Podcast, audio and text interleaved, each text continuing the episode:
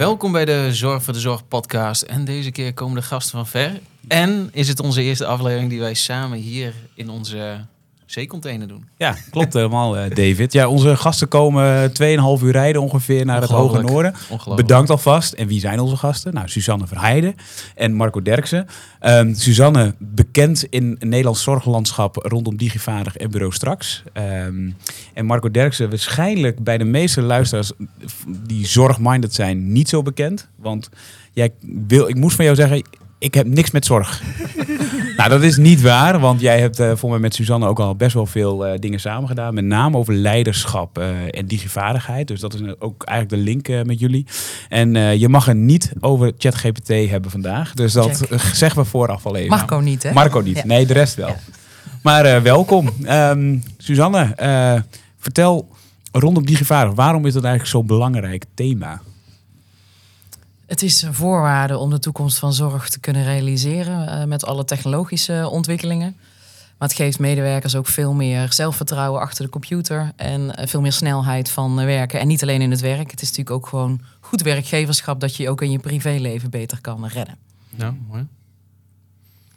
Ja, digivaardigheid. Uiteindelijk, nou, dat is ook een grote uitdaging, maar in de samenleving ook. Uiteindelijk, als je naar de digitale geletterdheid, dan hebben we er ook nog grote uitdagingen voor ons. En dan kijk ik ook een beetje naar mijn privéleven. Maar uiteindelijk dan zijn er soms mensen die moeilijk mee kunnen komen. En dat er dan digitale dingen op en afkomen. Zeggen van, hoe ga ik dat doen? Ja, want ehm, eh, Marco, wij kennen elkaar eh, vanuit mijn studentenleven. Toen was jij eh, docent. Ehm, en daar geef je ook altijd de link met leiderschap. In, in die gevaar. Hoe, wat betekent dat voor jou als je het kijkt naar dit thema? Nou, ik ben, ik ben wat meer bezig met, met zeg maar, de transformatie. Hè? Dus je zei van ik heb helemaal niks met zorg, dat is natuurlijk niet waar. Nee. Eh, ik hou me bezig met de transformatie van zorg, maar ook in andere sectoren. Hè? De- op dit moment werk ik voor de politie. Van, de politie moet ook veranderen door de digitalisering van Mm. de samenleving. Mhm. En we noemen dat dan eh, digitale transformatie. Hè? Dus hoe, hoe ga je als organisatie om met al die veranderingen? En vanuit dat perspectief is natuurlijk van belang dat mensen binnen een organisatie, dus ook in een zorgorganisatie, dat die mee kunnen met die nieuwe ontwikkelingen. Dus vandaar die digivaardigheden, dat dat eh, van belang is. Maar dat vraagt wel wat van leiderschap, zowel eh, in de klassieke eh, management, dat zij zeg maar eh, de ruimte geven aan hun medewerkers, maar ook van mensen zelf. Dus je, je, je persoonlijke leiderschap betekent ook dat je zelf ook stappen moet nemen om mee te kunnen en mee te gaan in die nieuwe ontwikkelingen. Zie je daar een grote verschillen tussen verschillende sectoren? Of zit er wel een rode lijn in? Nou, er zit wel een, een rol lijn. Ik moet wel zeggen, ik zit de laatste jaren ve- veel bij publieke organisaties. Ik, Hmm. Kom oorspronkelijk uit de commerciële organisaties, daar lopen ze wel iets voor. Hmm. Ik heb toch het idee dat de mensen daar wat makkelijker en sneller instappen op nieuwe ontwikkelingen. Eh, maar binnen de publieke organisaties zie ik eigenlijk wel over hetzelfde. Onderwijs, zorg, eh, politie, Gemeentes, ja. eh, ja, het zijn Ja. grote organisaties van nature toch redelijk traditioneel. Hmm. En nou heeft het ook te maken met de bedrijfscultuur. Want Ik heb ooit ook stage gedaan bij de politie. En dat was dan een familiecultuur, noemen ze dat dan. Dus uiteindelijk heeft dat ook invloed, de cultuur intern op het stukje leiderschap en die digitale transformatie. Ja, zeker. Ja, nou, ik weet niet of op digitale transformatie, maar zeker op leiderschap. Ja, Hmm. ja zeker. En dat is, want ik hoor heel vaak digitale transformatie. En ik gebruik het zelf ook te pas en te onpas. Heel Ehm, vaak. Weet iemand die heel goed het verschil uit kan leggen Ja, met digitale transformatie en digitaal leiderschap? En die zit hier aan tafel. Nou, ja. dus dat is voor mij. Ja, maar dat is ook. een- Wat is nou, als je kijkt naar wat is nou dan digitale transformatie? En dan mooi de stap ook naar leiderschap. Graag gedaan. Nou, voor mij is, is eh, het verschil tussen digitaliseren en digitale transformatie. Zo leg ik het meestal uit. Mhm. En digitaliseren is voor mij heel erg het optimaliseren van het bestaan. Hoe kan je digitale technologie gebruiken om zeg maar wat je nu doet, je processen of de dingen, hoe kan je die nou versnellen, efficiënter doen, goedkoper doen. Dat is voor mij digitaliseren. Van klapblok naar laptop, zeg ik wel eens. Ja, maar, maar in het algemeen. Hè, dus, dus, dus hoe kan je dingen nou gewoon eh, eh, efficiënter doen, goedkoper, Mhm. sneller? Dat is digitaliseren. En dat is eigenlijk waar we de laatste 25 jaar vooral digitale technologie voor gebruikt hebben. Eh, maar als je goed gaat kijken, dan is eigenlijk de eerste stap van wat wil je nu daadwerkelijk bereiken? En digitale transformatie is voor mij echt van hoe kun je dingen nou fundamenteel anders doen? Eh, en dan pas kijken van hoe kan technologie daar dan bij helpen? Mhm. Dus dingen echt anders doen. Dat is even in het, heel in het kort. En wat is dan, en, en wat is dan de relatie met. En, oh ja, de leiderschap hebben we eigenlijk ook al wel benoemd, natuurlijk. Wat is dan digitaal leiderschap? En we hebben het vorig jaar voor VWS eh, geformuleerd. We hebben onderzoek gedaan naar de succesfactoren van leiding geven aan digitalisering in de ouderenzorg. En daar hebben we een definitie geformuleerd. eh, en daar zit ook die transformatie in. Hè, dat een leidinggevende snapt dat er digitale transformatie van de zorg nodig is. Dat daar een visie op is. Dat je daar je medewerkers in meeneemt. Dat je dat verwerkt in al je plannen. Dat je jezelf op de hoogte houdt. Dat je lef, ondernemerschap, veranderkracht, eh, verandermanagement eh, eh, laat zien. En dat je zelf ook de juiste skills hebt als het gaat om digitale vaardigheden. En een beetje vakkennis op wat er allemaal te vinden is. Ja, dat is om, interessant te zeggen. hè. Dus ondernemerschap in de publieke sector. Wat is, ja, en, en Wat is lef. Wat, wat, wat is dat dan? Hoe uitzicht dat dan? Ondernemerschap slash lef. Nou ja, als je, als je gaat innoveren, dan zul je dingen moeten proberen zonder dat je weet van tevoren wat de uitkomst is.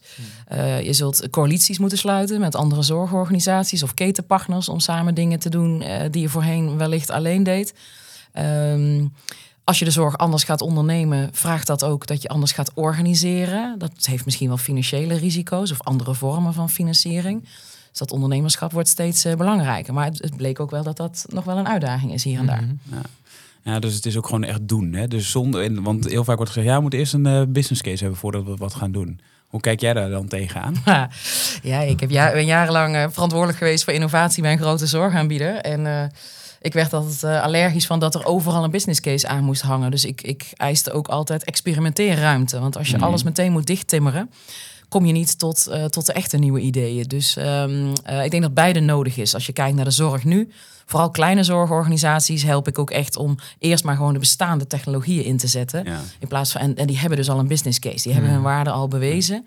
Want die hebben niet de ruimte om te experimenteren. Dus beide is nodig. Maar voor een grote organisatie is dat wat makkelijker om te doen dan voor een kleine organisatie. ja, want van de week las ik nog een stuk van, eh, voor mij op LinkedIn, van eh, iemand van CZ die zei, eh, we moeten meer kop- kopiëren van elkaar en letterlijk doen wat de ander ook Ja. doet. Dat is dan eigenlijk voor die bewezen technologie. Maar als je kijkt naar experimenteerruimte, het moeilijke woord van vandaag, dat is een beetje de speedbootjes waar jij het altijd over hebt, Marco, toch? Ja, nou ja, goed. eh, Mag ik nog heel even terugkomen zeker. over het leiderschap? Want ik, ik, ik, ik kijk dat misschien toch nog net iets anders na. Eh, ik maak het onderscheid tussen management en leiderschap. En management is voor mij heel erg de, de dingen eh, goed doen. Mhm. Dus eh, eigenlijk het klassieke management Mhm. verhaal. En leiderschap is de, de goede dingen doen. Dus Ja. goede keuzes maken. Dus dat gaat, dat gaat er vooral om, en dat sluit ook wel een beetje aan op nou, experimenten doen, maar daarin wel de goede dingen oppakken. Van wat is nu nodig in deze situatie? En ik kan me in de zorg ook voorstellen dat daar heel veel dingen zijn die je op een gegeven moment denkt van ja, maar dit moet gewoon gebeuren. Nou, dat is voor mij leiderschap. En, en dat heeft nog niet eens heel veel te maken met digitale technologie of zo, maar gewoon die goede stappen maken. En dan kom je inderdaad op de, de speedbootjes, de experimenten doen. En, eh, en dat is het verhaal van de, van de, de, de olietanker in de speedboten. Volgens mij, wie heeft daar ooit een boekje over geschreven? Meneer Lanting. Menno Glantink. eh, Maar die wordt al heel vaak als metafoor gebruikt. De Mhm. olietanker is natuurlijk de, de, de organisatie zelf die heel moeizaam meegaat naar die verandering. Nou, misschien moet je dan kleine speedbootjes om te kijken of je wat sneller kunt gaan. Ja. Dat zijn die experimenten, ja. Ja, en, die, en dat is natuurlijk voor een grote organisatie nog wel te behappen. Hè? Want die, die kan die financiële middelen misschien vrijmaken. Ja. Maar die kleine partijen waar jij het net over hebt, ja, dat is natuurlijk veel lastiger om daar financiële of mankracht voor vrij te maken. Nou, niet onmogelijk, hè, want niet Nee. alles kost geld. Eh Nee, goede ideeën die geld opleveren, daar kan je altijd een speedbootje op zetten natuurlijk. Maar eh, het wordt wel ingewikkelder, ja. Mhm. En vooral ook qua mankracht, dat zie ik ook wel. Dat ze gewoon de mensen niet hebben om dat eh, eh, ja, te voldragen, te on- ontwikkelen, te Ja. implementeren. Ja, en uiteindelijk wat je net zegt, hè, die LinkedIn-post, uiteindelijk aan de ene kant klinkt dat heel mooi, hè, het kopiëren van. Nou, we hebben ook in de Noorse organisatie gewerkt waar iets in het zuiden werd geïmplementeerd, dat we in het noorden zeiden van, in die context, het is bewezen technologie, past dat dan wel? Dus het vraagt ook wel weer skills. Niet alleen het kopiëren van, oh, gaan we dit maar inzetten, maar uiteindelijk skills van medewerkers van, maar is het de context waar ik dit wil inzetten en kan dit in deze context? Dus je vraagt ook weer andere inzichten van medewerkers dan alleen, kan met de technologie omgaan, maar ook En die veranderopdracht is, Ja. is, gewoon, is gewoon veel breder dan alleen maar gewoon, nou hier heb je dit hulpmiddel en klaar. Of het gaat over wat, wat, in welk gedrag ga je dan laten zien, ander gedrag. Want als je hetzelfde blijft doen, dan verandert er ook geen bal. En dat is nou net wat mij betreft waar de leidinggevende een belangrijke rol eh, heeft. Ehm, om inderdaad die kansen te creëren, die, die gaten te vinden en de Mhm. goede dingen te doen. Maar ook ehm, duidelijk te maken wat het oplevert. Wat bijvoorbeeld digitalisering of digitale vaardigheden oplevert voor medewerkers. En altijd te communiceren vanuit het nut. Maar wat ik nu heel veel zie, is dat er gecommuniceerd wordt vanuit urgentie. Dus leidinggevende bestuurders, direct, directeuren hoor ik dan zeggen... we moeten met technologie aan de slag. Arbeidsmarkttekort, verzuim, werkdruk, de zorg gaat kapot. Dat laatste zeggen ze niet, maar dat vond ik een mooie samenvatting. Ehm, maar dat is, dat is de minst effectieve manier om medewerkers mee te nemen in die ontwikkelingen. Maar als je zegt het biedt kansen voor onze cliënten, het past bij onze visie, het vergroot het welzijn, langer thuis wonen, zullen mensen veel gemotiveerder raken. Een goede leidinggevende die dat digitaal leiderschap laat zien, die gaat op dat podium staan en kan daar een goed, mooi verhaal vertellen wat mensen raakt en wat ze meeneemt in plaats van we moeten van het zorgkantoor. Ja. Maar wat nou als dat nu een mooie subsidie is? En dan kunnen we die technologie voor inzetten. Prima. Maar dan nog steeds zet je die in om het welzijn van de cliënten te... Dus dan is het alleen een middel om, iets, eh, om je doelstelling makkelijker te bereiken. Dus nog steeds een stukje leiderschap. Alleen hoe, verte- hoe vertel je het verhaal? En niet Ja. van achter de schermen, oh, er is weer een subsidie en we gaan, weet ik veel, eh, beeldbel, tablets aanschaffen. Omdat er dan een subsidie Nou, als dat aansluit bij de richting waar je naartoe gaat, is dat natuurlijk alleen maar goed. Ja, dan om is het te middel. pakken. Eh, Maar dat is dus het leiderschap, de goede dingen doen. Hmm. Ik bedoel, en als dat geen goed ding is, dan moet je dat dus niet doen. Nee, dat is ook nee zeggen. Ja. Maar dat verhalen vertellen vind ik wel mooi. Want dat, ik weet niet, was het bij jou en jou? Ja, voor mij in mijn studiejaar bij jou. Voor mij is dat toch ook heel erg prominent voor dat verhaal vertellen? Of was dat meer... Het verhaal vertellen van waar je naartoe gaat, Ja, mensen wie- meenemen. nee, absoluut. en je moet staan. Storytelling, eh, Het, het hele communicatieverhaal, zeker. Ja, dat was die 21st century eh, leadership skills van, ehm heb ik even zijn naam kwijt, maar eh, die had het van de, de, de, de leeuw eh, op de rots en eh, dat soort dingen. Ja, had hij toch? Freek Peters. Freek Peters, ja. ja. Dat vond ik een mooi was dat. De golfsurfer. Vind ik altijd een hele mooie. De golfsurfer betekent ook dat je jezelf soms in de voorgrond zet, maar soms ook weer andere mensen daar laat staan, Mhm. daar waar zij beter floreren. Maar dat is zeg toch ook maar. leiderschap? Dat Contextueel, noemde- Contextueel hij noemde dat contextueel contextueel leiderschap, leiderschap. ja. Dus afhankelijk van de situatie. De ene keer kan je inderdaad de manager zijn, de andere keer wat meer. Ja. Je moet er dus, eh, en als je kijkt naar die digivaardigheid, hè, dus dat is een grote uitdaging, daar ben je echt al jaren mee bezig. Ehm, ik hoor heel vaak, en dan kom ik bij een organisatie en zeg ja, maar eh, iemand moet dan weten hoe Excel werkt. Als je dat hoort vanuit jou, want jij hebt dat ooit bedacht. Was dat jouw idee dat mensen allemaal Excel konden Nee. gebruiken? Nee, sterker nog, ik denk als je de vraag teruglegt... eh, bij welk proces gebruiken ze Ja. Excel? Dat ze hoogstens op het boodschappenlijstje komen... dat ze een begroting maken voor een familiefeestje of zo. Van wat kost het dan? Ja. Nee, dat is de minst belangrijke vaardigheid. Maar ik herken wel dat er onduidelijkheid is over de definitie... van wat is dan digitaal vaardig? Mhm. En eh, nou, daar hebben we bij de landelijke coalitie Digivaardig in de Zorg ook eentje van gemaakt. Maar samengevat omvat dat veel meer. Dus werken met applicaties, basisvaardigheden, Office. ehm, eh, dat je weet hoe je een eh, smartphone en een tablet moet bedienen. Dat je basiskennis hebt van eh, e-health en zorgtechnologie, eh, domotica. Ehm, en daar zit ook Excel in, maar dat is een van de 800 onderwerpen. Dat je een veilig wachtwoord kan maken. Dat je weet welke gegevens je wel en niet mag delen van cliënten. Dat je een veilige mail kan versturen. Dus het is, het is eh, veel breder dan alleen dat.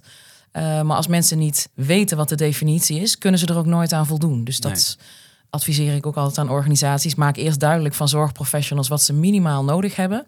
Dat maximale komen we daarna wel. Maar als die basis eerst op orde is, is er ook een landingsbodem voor technologie en nieuwere digitale vaardigheden. Of Ja. moeilijkere. En daar kom je dus weer op dat leiderschap. Dus je moet sturing geven aan dat proces. Ja. Je kunt niet zeggen, nou ja, je krijgt nu een cursus en nu, nu weten we het weer klaar. of zo. Nee, het moet geborgd worden in processen, in gedrag. eh, en het, het, het afschuifsysteem moet doorbroken worden. En daar heeft de leidinggevende ook een rol. En je ziet dat ehm, eh, heel veel mensen in de zorg elkaar compenseren. Wat de een niet kan, doet Ja. de ander. Mhm. Eh, ze helpen elkaar, nemen het van elkaar over of delegeren het. Hè. Artsen die dan zeggen van, nou daar heb ik mijn AJO voor, hè, om dat in het EPD te zetten bijvoorbeeld. Maar ik hoorde laatst ook in een ziekenhuis dat ze een heel eh, analoog proces gedigitaliseerd hadden. Een heel belangrijk formulier, wat veel gemakkelijker was nu en veel sneller ging. Maar één iemand uit het team kreeg het niet onder de knie. En toen is het hele team collectief teruggegaan van digitaal naar papier. Daar heeft de leidinggevende, wat mij betreft, een steekje laten vallen. En eh, eh, had hij, hij of zij in moeten grijpen in hoe kunnen we deze dame helpen om dat onder de knie te krijgen. En we gaan geen stappen terugzetten. Maar wat heb je nodig om mee vooruit te komen? Ja. Maar Suzanne, mag- ik ook vragen Ja, stellen zeker. Als, als, als, als gast? Zeker. Ik, ik ben namelijk wel benieuwd, eh, Suzanne. eh, hè, je, je noemt de digitale vaardigheden, maar zitten daar bijvoorbeeld ook in ehm, dat, dat, dat persoonlijke leiderschap eh, aspect? Hè? Als jij ziet dat dingen anders kunnen, dat zit er ook in. Dus eigen initiatief nemen, eh, samenwerken met anderen. Dus wat meer de, de zachtere kant. eh. Nee, niet in, het, eh, niet in het aanbod wat op de website staat, maar wel in pak de verantwoordelijkheid om een Ja. leven lang te leren en bij te blijven. precies, dat, dat is een belangrijk aspect Ja. ook. En het van, samenwerken zit met name in de rol van de digicoach. Hè. Die is echt one of the guys van de collega's die digivaardiger is en die collega's op de werkvloer helpt, ondersteunt en verder brengt. Dat is wat anders dan het afschuiven en het afschuifsysteem. Maar ook, het, ook eigen ruimte pakken Ja. en, en, en even stilstaan van ben ik nog wel het goede aan het doen. Zit, zit dat daarbij? Of Alleen dat- op het gebied van digitale vaardigheden, niet in het hele leven. ja. nee, maar, nee, maar goed, in, in, je, in, je, in je beroep als, als, als verpleegkundige of als, als eh, zorgverlener. eh, Ja, vooral op dit gebied. Hè? Want ik weet, persoonlijk leiderschap is binnen de, voor verpleegkundigen een heel groot thema eh, waar Ja. alle organisaties mee, mee bezig zijn. En daar is dit een onderdeel van. Maar het begint bij weten wat je moet kunnen. Eh, de verantwoordelijkheid pakken dat dat niet alleen een, eh, iets van je baas is, maar dat je zelf ook aan de bak zal moeten. En dat je dat onderhoudt voor de rest van je leven. Want die ontwikkelingen gaan razendsnel. Dus dat, als dat het, een onderdeel is van Ja. persoonlijk leiderschap, absoluut. Ja. Maar het is niet een, speciaal thema op de. maar is het dan niet een gevaar dat we blijven doen zoals we dat nu doen, maar dan alle- allemaal een klein beetje beter of sneller? Nou, dat, dat is de rol van die digicoach bijvoorbeeld. Ja. Hè? Dus signalen afgeven van dit werkt niet, dit is niet handig. Of hier zijn mensen veel te veel tijd mee kwijt. Dat kan veel slimmer zo. Ja. Of we communiceren te moeilijk. We gebruiken te ingewikkelde taal. Dus die zit als tussenpersoon tussen eh, innovatie, eh, ICT en de zorg in.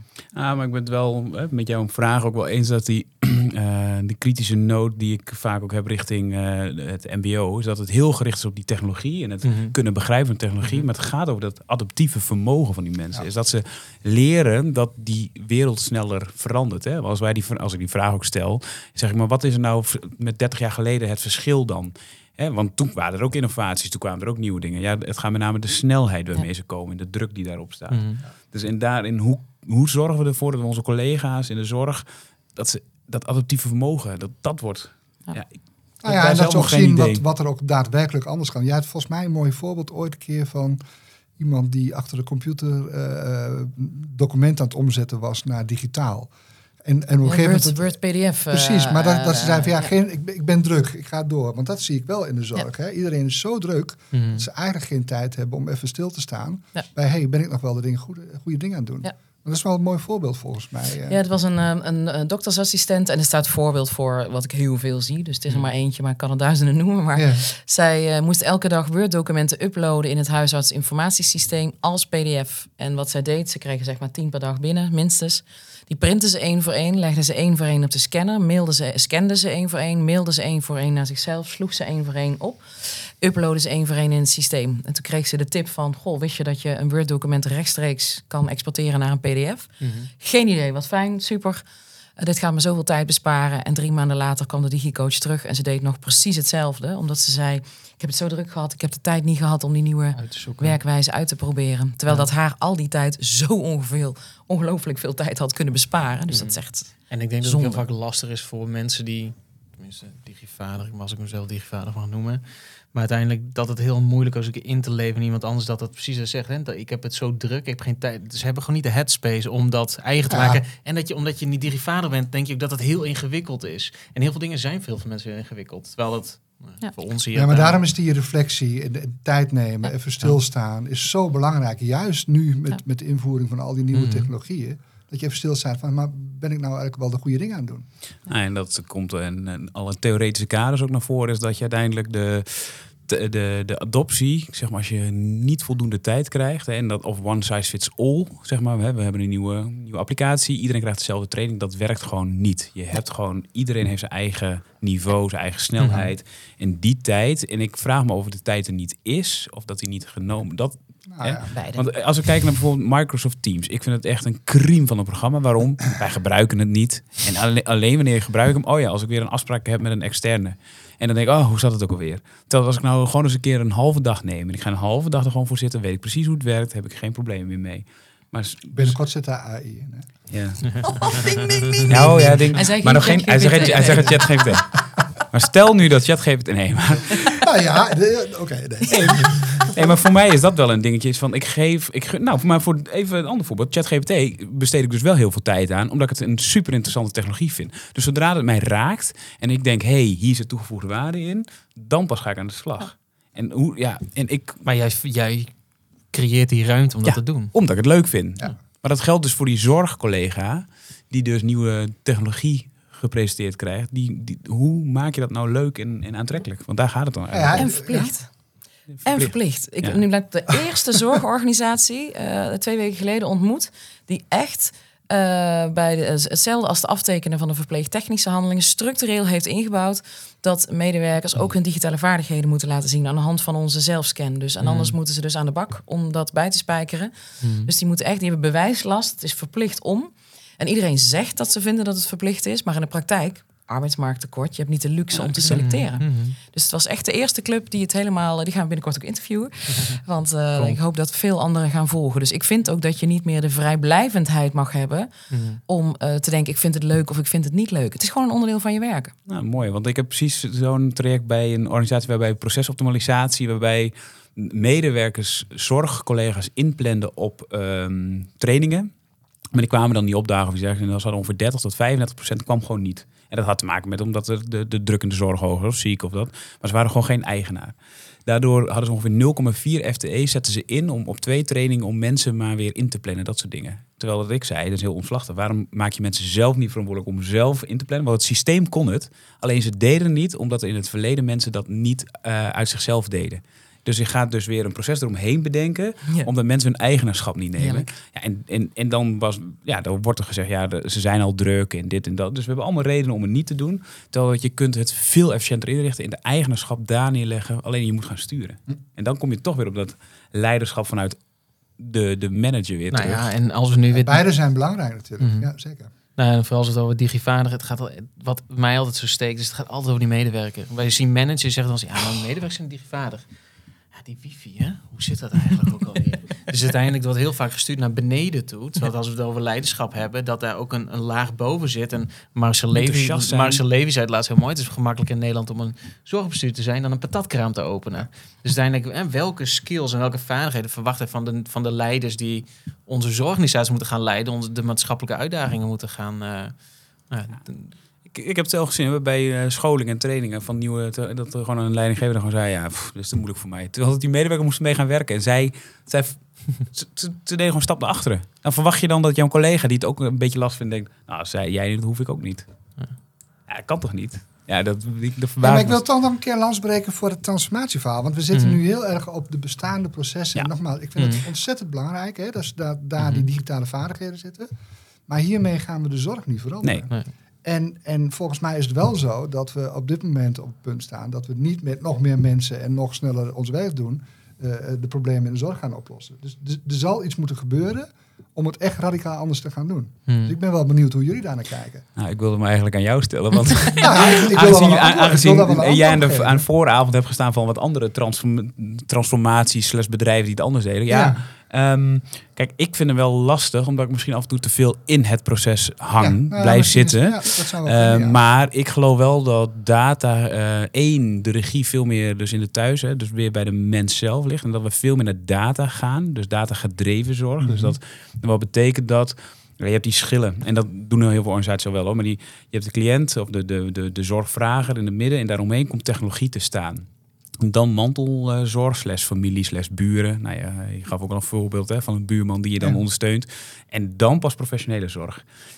En dat betekent dus dat de huidige organisaties die, die we nu kennen, ja, die hebben helemaal geen functie in dat hele stuk. Ja, eh, pas op later. Eh, ja, dus, dus er moet een soort technologische schil komen. En ja, ik geloof wel eens dat de Amazons, de Apples van deze wereld iets van een soort healthcare gaan ontwikkelen. Ja, dan ga je nog steeds weer vanuit, vanuit de techniek. En, en volgens mij zien we al genoeg voorbeelden in de zorg... waarin we van zorg naar preventie gaan, naar gezondheid, Ja. naar voorkomen van. Eh, dus volgens mij ligt daar veel meer de oplossing in de zorg. Dat we in de toekomst voorkomen dat zoveel mensen al in, Ja, in, in een verzorgde huis of een ziekenhuis terechtkomen. Dus daar, maar goed, en dan de stap terug. Wat kan daar op dit moment de zorg zelf aan doen? Welke rol spelen ze daarin? Nou, je ziet wat je. De gesprekken die ik heb, zie ik met name dat heel veel organisaties die eerste vragen stellen: wat kunt u zelf? Wat kan uw omgeving? En wat kan technologie? En er zijn Ja. echt legio voorbeelden nu van organisaties die dat doen. Mhm. Eh, alleen ze moeten, eh, die worstelen dan weer met het stukje van hun collega's. Dat die collega's dan zeggen, ja, maar nu kom ik niet meer bij iemand thuis. Dus leuk zo'n medicijndispenser. het is een voorbeeld. Maar eh, ja, maar noem maar ik vijf momenten dat ik toch contact had. Ja, was de kwaliteit van het contact was minimaal. Maar dus, dus er zit nog vooral in die organisatie. Ja. Dat ze de los, Maar, maar Suzanne, zie jij, loslaten. zie jij daar eh, mogelijkheden? Nou, ik vind dat ook de overheid daar iets in te doen heeft. Want die zorgorganisaties die dit soort vragen gaan stellen, die moeten leuren, die moeten overtuigen, die krijgen klagende mensen. En daar is de zorg, en daar betaal ik toch mijn ziektekosten voor. En dus ik vind ook dat er een soort van campagne zou moeten komen van hè, ja, pak verantwoordelijkheid en wat kunt u zelf doen? Voorkom uitdagingen. En neem uw verantwoordelijkheid over uw eigen gezondheidsproces. Ik denk de preventie, daar zit de hoek. Maar dat kan je niet alleen verwachten dat zorg, de wijkverpleegkundige of de eh, thuiszorgmedewerker dat gesprek gaat voeren met mensen. Want daar hoor ik echt een hoop narigheid. Dat ze echt nare gesprekken krijgen. Mijn moeder ook, die zegt ik heb gewoon recht op zorg. Op alle soorten. Alle soorten, tweede opinion, second opinion, third opinion. eh, want het, eh, daar heeft ze gewoon recht op. Ja. Kan, is geen gesprek mee te voeren. Verder is heel aardig hoor, maar... Ja. Ja, en het, en het Nou ja. verdienmodel klopt dan niet. Hè? Nee, oké, maar dat... Want, kijk, want je, de- want je maar wordt betaald, je wordt betaald voor hetgeen wanneer je zorg levert. Terwijl wat, jij, wat we nu zeggen is, je moet betaald krijgen voor Ja. de zorg die je niet levert. Nee, maar dat is het hele financieringsmodel is Mhm. natuurlijk vanuit de overheid. Maar ik toch even terug, hè, want ik zei straks dat samenwerken een hele belangrijke is. En op het moment dat jij als een, een verpleegkundige of een zorgverlener op een gegeven moment te maken hebt met een mantelzorger of misschien met een huisarts of met iemand van de woningcoöperatie. Ehm, eh, zeker in die, in die eerste lijn zie je op een gegeven moment, hé, hey, hier zou het toch echt anders moeten. En daarom vind ik het belangrijk dat dat aspect van leiderschap, dat je, als je dat signaleert, ik denk namelijk dat zij dat veel eerder zien dan een manager eh, in de organisatie. Dus wat ga je daarmee doen? Als jij zegt, hier kan het echt anders en ik wil hier een experiment voeren. Ik wil nu gaan kijken of wij het op dat kleine schaal, nu een klein experiment kunnen doen, om het eens anders te gaan Ja. organiseren. Ja. En dan naar je manager stappen en vragen van, hey, kan ik hier niet, eh, kunnen we hier niet met een aantal mensen gaan experimenteren? En dan kijken, kan technologie Exact, ondersteunend zijn exact. aan... eh, nou, en, technologie speelt daar een hele grote rol, omdat communicatie natuurlijk veel lastiger is op het moment dat je vanuit verschillende posities zit. Ja. En dan kom je dus op die digitale technologie. En dan heb je die vaardigheden. Mhm. Maar wel daarna. Voor mij was dit het advies die jij eh, recent nog aan een organisatie gaf, Ja? toch? Ja, klopt. Over ec- ook kleinschalig experimenteren, niet Ja. te groot maken. En gewoon als we nou, hoe noemde je dat? Als je nou de dag van het anders doen of zo de waren- week. We waren in het ziekenhuis, het was een ziekenhuis en uiteindelijk, ik zei, hè, die noemde de afdeling oncologie, noem het dan, hè, deze middag heet de afdeling anders. Nou, de, dat is de ruimte dat je ook, maar ik zei, je moet wel backup van de organisatie. Dat gingen wel hele simpele dingen. Ze hadden bijvoorbeeld tv's die hangen. Dus iedereen gaat in bed liggen, tv kijken. Zo'n voetbalwedstrijd, niemand gaat uit bed zitten op een stoel. Dan zit je zo naar die tv te kijken. Maar ook een, glas wat op die, die karretjes wordt gezet naast je bed. Waarom zetten we niet bij de wasbak neer? Dus allemaal dat soort dingen. Dat je, als je de ruimte ook krijgt van dit is de middag van anders, natuurlijk gaan je processen gewoon door. Ook het inregelen van de roosters. Maar probeer ruimte te zoeken uiteindelijk om uiteindelijk dat te gaan doen. Maar precies wat je zegt, kijk, wat is de oplossing? Is uiteindelijk dat commercieel en privaat, dat het gewoon dat we zien als een maatschappelijke uitdaging. Dat de Albert Heijn hier rondrijden, en de picknick en whatever die allemaal rondrijden. Breng er gewoon een medicatie langs. Waarom moet daar weer een, een, een, een, apotheker rond gaan rijden? Weet je, allemaal dat soort zaken. Dus volgens mij moeten we veel meer als maatschappij gaan kijken naar de zorg. Wat is deze uitdaging? Hoe kunnen we daar als commerciële sector, maar hoe kunnen we daarin... We moeten het met z'n allen Het gaan moet doen. samen. Het moet toevallig samen. van de week eh, in het nieuws het aantal verwarde personen in Nederland dat dat extreem is toegenomen. Nou, hè, er moet meer GGZ. Er is te veel bezuinigd op de GGZ. Nee, want dat is dus symptoombestrijding. Van Hoe kan het dat steeds meer mensen verward zijn? Ja. Dus volgens mij moet je veel meer aan die voorkant gaan kijken van wat kunnen wij hier anders doen met elkaar.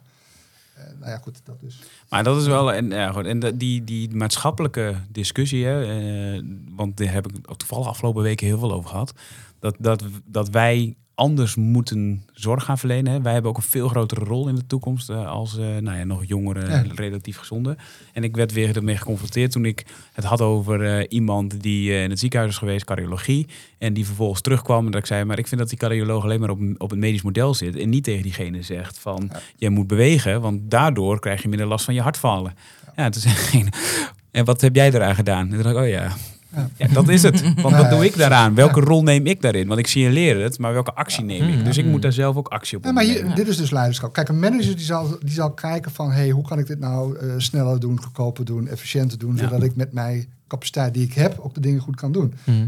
Leiderschap is van, hé, hey, maar hey, hoe kunnen we het anders doen? En, Hmm. en dan eh, acties eh, ondernemen. Ja. Nou, ik vind het wel mooi hoor. Dat kleine experimenteerruimte en Ja, hoe je dat dan doet. Maar je moet wel die backup hebben. Kijk, en dat is het. Je moet gewoon Nou je moet en leiderschap, dan dan kom je moet dus op-. Precies, en dan kom je dus bij het leiderschap van de manager of de leidinggevende of Oh, de bestuurder. directeur, Ja. whatever. Maar uiteindelijk, Ja. je moet die backup geven. En dat is wat wij wel merken bij zorgmedewerkers. En wij geloven heel erg in zorgmedewerkers. Zeggen, dat is goud van je organisatie. Maar die hebben zoveel goede ideeën. Ja. En wij lopen rond en dan zeggen ze, ja, maar als we nou dit eens doen en dat. Ze hebben een fantastisch idee. Maar ze krijgen gewoon niet de ruimte, omdat ze uiteindelijk erop worden afgeschoten. Dus als je ook niet als leiderschap, als leider uiteindelijk die ruimte creëert voor een veilige omgeving waar je mag falen, experimenteren. Dat blijkt toch in de zorg, eh, ik weet niet of het de zorgsector is, maar het blijkt toch heel lastig zijn om daar die ruimte te vinden om dat te gaan doen. Die zit ook in de definitie van digitaal leiderschap. Die vergat ik inderdaad. Mm. Hè? Van het creëren van experimenteerruimte. Maar ook Ja, dat mooi. mensen fouten mogen maken. Ja. Dat je dus ook eh, op je weg mag gaan. En, en dat, de, de, de digivaardigheid, dan spreken we vaak over de oudere collega, wordt er dan van gezegd. Maar vanochtend sprak ik nog mensen van het eh, MBO en die zeiden, nou, bij ons is ook nog een grote uitdaging. Ehm, ja, is, ligt het echt aan leeftijd of is het gewoon echt gewoon in de breedte van, eigenlijk heeft iedereen daar Ja, nou raak je...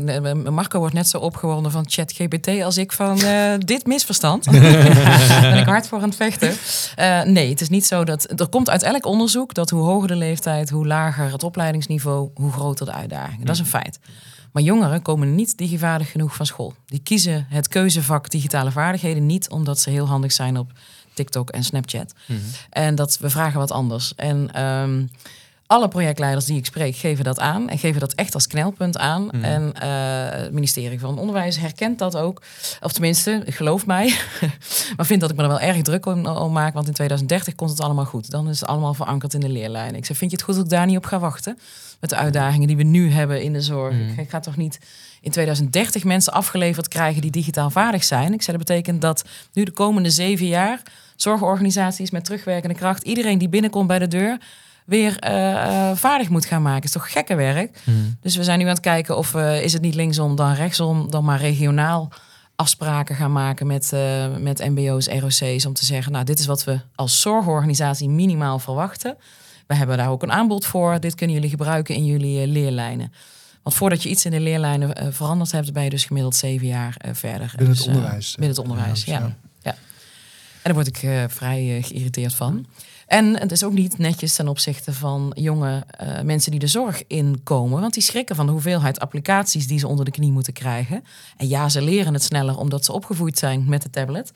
Maar eh, het zijn 17 applicaties waar ze gemiddeld Ja. mee te maken krijgen. En Ga er maar eens aan en- staan. En, die zijn mensen ook niet ingericht als ChatGPT of eh, Nee. sorry, als TikTok. Als Met, TikTok. met, met Oh, sliden, precies. in liken. het is allemaal wel wat. eh, computer, hè? Lekker computer, lekker toetsenbord erbij. Ja. Ja, maar ik denk, denk je niet dat die technologie ook wel nu een speurt gaat maken? Hè? Want die, die wordt volwassener. Hè? Ook bijvoorbeeld dat eh, linguistic eh, AI. Hè? Dus het leren dat je gewoon kunt praten dat het in het zorgdossier komt. Dat het, dat het ook wel zeg maar, makkelijker gaat worden. Omdat het nu vaak lastige applicaties zijn. Nou ja, wat ik een interessante vind, is, is eh, spraak is altijd een van de meest complexe dingen geweest. Hè. Als je het hebt over AI, Mhm. zijn we al heel lang in staat om beelden te, Ja. te herkennen, patronen Het meest kennen. sa- simpele.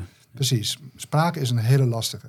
En we komen nu langzamerhand op het punt dat dat ook eigenlijk heel goed gaat. En dat zou dus kunnen betekenen dat we ook gewoon spraakgestuurd kunnen gaan werken. En wat het voor een hele grote groep mensen denk ik een stuk makkelijker. Mhm. Hè, want die kunnen gewoon zeggen van ik wil dit hebben. En dan voor degene, ik ga hem toch een keer noemen, ChatGPT. Eh als je daar nu een opdracht invoert, dan hoef je dat niet meer exact te doen zoals je dat... Hè, dat gewoon wat jij wil, dat tik je in Mhm. En eh, daar komt wat uit. En als je dat spraakgestuurd kunt gaan doen, dan wordt het natuurlijk helemaal interessant. Ja.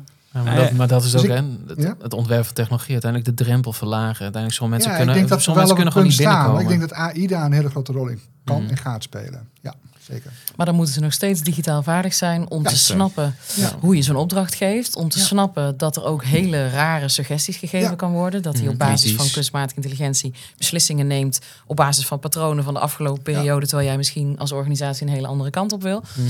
En daarvoor moet je dus ook basiskennis hebben om Ja. er überhaupt mee te kunnen werken. Ja. En dan kom je dus ook uh, digitale vaardigheden. Nou ja, je kent Jan van Dijk ook, inmiddels met pensioen, hoogleraar in Twente. En Alexander van Deursen, die dus al jarenlang onderzoek doen naar de digitale vaardigheden van, uh, van de Nederlanders. En daar maken ze heel duidelijk onderscheid tussen uh, een aantal vormen van digitale vaardigheden. En waar jij het ook over had.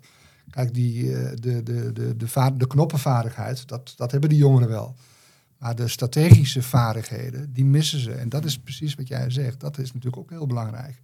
Dat je weet hoe je het kunt maar ga dan gebruiken. weer terug naar het onderwijs. Uiteindelijk kritisch denken. Als ik Ja, kijk naar de onderwijspakketten. Ja, nee, maar zeker, Deze absoluut. week op LinkedIn. Ik zag iemand, kijk, ik heb geen kinderen die nu examen doen. Maar uiteindelijk zag ik, ging over economie, over hoeveel vaten in dollars. Het gaat helemaal niet over duurzaamheid. Nee, dus uiteindelijk, maar het is toch te bizar. We proberen hier te, of te transformeren naar een, naar een, een groene samenleving. En dan Ja. heb je gewoon het onderwijs waar kinderen gewoon op hun 16 een examen over Olievaten en zo, meer, zo, Nee, zo snel mogelijk zoveel mogelijk geld Ja. kon verdienen. Ik heb het ook gelezen, ja. maar het kritisch denken, het reflecteren. eh, ik ben ook voorstander dat filosofie gewoon weer een Ja, vak mooi. wordt. Ook, ook in het basisonderwijs bij wijze van spreken. Ja, dat ja, je ja. leert kritisch nadenken en Ja. discussiëren. En helemaal zo wat ChatGPT's en alle digitale dingen heeft uiteindelijk. Het gaat veel meer om die technologie verandert. Zeggen we ook altijd van. Dan zeggen we ja, maar die bril. Nee, over vijf jaar is het misschien een, een, een, een brilletje en dan is het een lens. En technologie verandert. Weet je, dat, dat Ja. is nu de, die robot en dan wat het. Dus het verandert alleen maar. Dus het gaat veel meer over de skills van kritisch nadenken. En uiteindelijk gaat het helemaal niet om die. En, technologie en eh, eh, wendbaarheid en veranderbereidheid. Hè. Ik geef Ja. nu veel lezingen aan zorgprofessionals over veranderkracht. Dus Mm. hoe, eh, hoe kun jij meekomen met al die bewegingen en veranderingen? Ja, Eh, dat vraagt de wil, Mhm. openstaan voor nieuwe dingen. En het vraagt een aantal competenties, vaardigheden. En de een heeft die wat meer in huis al van de basis als de ander. Maar de zorg is altijd in beweging. Veranderen Mhm. is je vak. Ja. Eh, de, de geschiedenis van zorg, de toekomst van zorg. Het, het, het, daartussenin zitten zo ongelooflijk veel dingen die mensen al voor de kiezen hebben gekregen. Maar technologie voelt ineens heel anders en heel zwaar. Terwijl, ja, er is al zoveel gebeurd. En eh, nog heel even terug op dat eh, stukje van die... eh, in 2030 is het, is het opgenomen, zeg maar, die digivaardigheid in dat eh, curriculum. Is dat dan ook direct een oproep aan zorgorganisaties nu om contact eh, de, op te nemen met mbo en te gaan zeggen van, goh, maar we hebben nu het probleem en laten we samenwerken op dit Ja. thema? Mhm. Want Dan, hebben- eh, als het niet de lange weg, eh, eh, als dat niet snel genoeg gaat, dan vooral de korte weg pakken. En ondertussen lopen we die natuurlijk ook. Daar gaan we ook een toolkit voor maken om organisaties daarbij te ondersteunen. Dus een soort van wat verwacht je dan minimaal van mensen per sector, Ja. zodat ze dat ook als hulpmiddel kunnen, kunnen gebruiken. Dus, en als ze vragen daarover hebben, kunnen ze altijd even een mailtje sturen. Nee, dat is wel mooi. Nou, we, we- we kwamen eigenlijk alweer trouwens aan het eind van de, de podcast. Het vliegt. De tijd Het vliegt. vliegt. Ja, ik heb nog heel veel vragen. En, en over ChatGPT kunnen we denk ik ook nog een aparte podcast-serie opnemen. Hoeveel keer zouden we nu Ehm, zitten dat hij, eh, Was dat dat, hij genoemd was dat is? niet mijn voorstel? ja, ja. Nou, ik ben wel benieuwd. Misschien mag je, wat denk je dat deze technologie die er nu zo, zo nou ja, in het nieuws is, waar staat het over een jaar of over twee jaar dat je zegt van voor de zorg? Waar denk je dat het echt Ik- impact ik gaat denk maken? eerlijk gezegd dat niemand daar iets over kan zeggen. Ehm, wat, wat interessant is, is dat, dat ChatGPT is in november eigenlijk eh, Mhm. openbaar gegaan. Dat zeg maar, het grote publiek het on kon gebruiken. Want de techniek is er natuurlijk Ja, zoveel lang. langer. Mhm. Ja. Maar wat, wat mij toch wel verbaasd heeft, is dat dat zoveel mensen zijn gaan gebruiken. Mhm. En dat de technologie in een hele korte tijd, want GPT-4, wat dus zeg maar in maart is vrijgekomen, die is echt goed. Ik weet niet of jullie hem zelf gebruikt Mhm. hebben. Mhm. Mhm. Maar verbazendwekkend goed eigenlijk. Ehm, maar dat we op dit moment dus die wetgeving eh, versneld, ook in Europa. Er, er komt dus nu die eh, AI-act. Mhm. die kan best zo zijn dat het op een gegeven moment verbiedt om het te gaan gebruiken. Oké. Eh, dus jij zegt van waar staan we over een jaar? Het zou zomaar eens één kant op kunnen gaan dat het wordt verboden. En jij met een depressie opgenomen wordt. eh, Hè? omdat jij met een Nee, depressie nee, nee, wordt nee, nee, opgenomen. ik, je nee, niet want ik ben best wel kritisch eigenlijk op, eh, op de ontwikkelingen op dit moment. Dus ik, ik, ik kijk op dit moment ook vooral naar de ethische dilemma's van, Mhm. van wat dit allemaal betekent eigenlijk. eh. Maar ben jij dan een beetje die man die de stoomtrein wilde tegenhouden? Omdat hij, Nee, nee, ik, nee, maar ik ben ook niet. Nee, want ik ben ook weer weer enthousiast over de mogelijkheden. Hmm. Maar het moet wel gedoseerd en gereguleerd. En we Hmm. moeten daar goed kritisch over nadenken hoe we het gaan gebruiken. Maar even terugkomt op jouw vraag van wat zou dit nou voor de zorg eh, kunnen betekenen de komende jaren? Ja, wat ik straks al aangaf, ik denk dat het een enorm eh, hulpmiddel kan zijn voor iedereen in de zorg om, eh, nou ja, om advies te krijgen, om je stukken makkelijker te schrijven, om Mhm. Pak maar, als je op een gegeven moment een paar losse fladden, fladden in, invoert, van schrijf hier even een klein rapportje van. Hoe snel dat kan helpen om even een rapportje te maken Mhm. aan het eind van de dag. Klopt. Simpel voorbeeld. Ja. Waar denk ik heel veel verpleegkundigen en, en zorgverleners toch wel moeite voor, eh, mee Mhm. hebben om iets op papier te Sowieso, krijgen. Sowieso. Kunnen ze hier worden geholpen? Je bent er niet de zorg in gegaan om eh, achter een computer te Nee, dus, dus, nee, maar ik denk ook dat we... daar vooral moeten gaan kijken van hoe kan het ons helpen in onze Mhm. administratieve taken die we toch moeten doen en wat we vervelend vinden. Ja. Eh, dus ja, daar. En een sociale robotica. Ja. Mhm. En, en, en Maar goed, daar, daar gingen we een aparte aflevering over. Dan gaan we En dan zeker- komen jullie naar Arnhem, hè? Want Zeker. niet meer naar Drachten. Hadden we al gezegd dat het twee uur en elf minuten rijden was? Als je, als je, als je, waard hoor. als je in de file staat, wel. hè. als, als, als, als er een verkeersregelaar die de training volgt. was het toch? Ja, dat was ook een ding. Ik heb, er, ik heb twee uur over gedaan vanuit Arnhem. Oh. Dat moet ik al even doen. Ja. Dat is heel ver. Heel Heel ver. En hoe Het is het relatief voor jou, Het is David? een relatief op een mensenleven. Maar als ik eh, jou nog mag vragen over digivaardig. Wat is nou voor de aankomende jaar nou een, een ding dat je zegt, nou daar gaan we echt... eh, Nou, ik denk veel organisaties die. Ik ben nu vijf jaar met dit thema eh, bezig. Ik denk dat veel organisaties die al langer bezig zijn, nu van digivaardig naar techvaardig gaan. Dus hoe kunnen we dat ondersteunen? Dat is in ieder geval één ding. Eh, nou, die digicoach blijkt de grootste succesfactor. Dus dat verder uitbreiden. Ja. Iemand van de collega's die ondersteunt. Maar ook uitbreiden naar technologie, de ambassadeur zorgtechnologie, de INers, de innovatieverpleegkundigen enzovoort. En wat ik persoonlijk zie dat belangrijk is, is dat we inzichtelijk kunnen maken wat het mensen ook aan tijd bespaart. Iedereen wil meer tijd voor de cliënt of patiënt. En als je zo'n voorbeeld pakt van Word naar PDF en je kan berekenen wat dat in die drie maanden tijd haar had bespaard. En wat dan het verschil is met die vijf minuten investering die ze had moeten doen om het onder de knie te krijgen. Dan denk ik dat dat helpt om motivatie te vergroten. Eh, dus eh, tijds, eh, het tijdselement en het werkplezier. Want dat is natuurlijk ook voor iedereen heel belangrijk. Dus beter inzichtelijk maken wat het oplevert. mooi. Nou, Genoeg te doen. genoeg Ja. te doen. We zijn aan het einde gekomen. Bedankt voor eh, jullie komst. Ja. Voor de verre afstand die jullie hebben moeten afleggen natuurlijk. Hadden, had je Nee. al gezegd hoe lang elf minuten om precies te zijn. We Ja. vragen de volgende keer aan chat eh, GPT eh, om een verslag te tikken hiervan.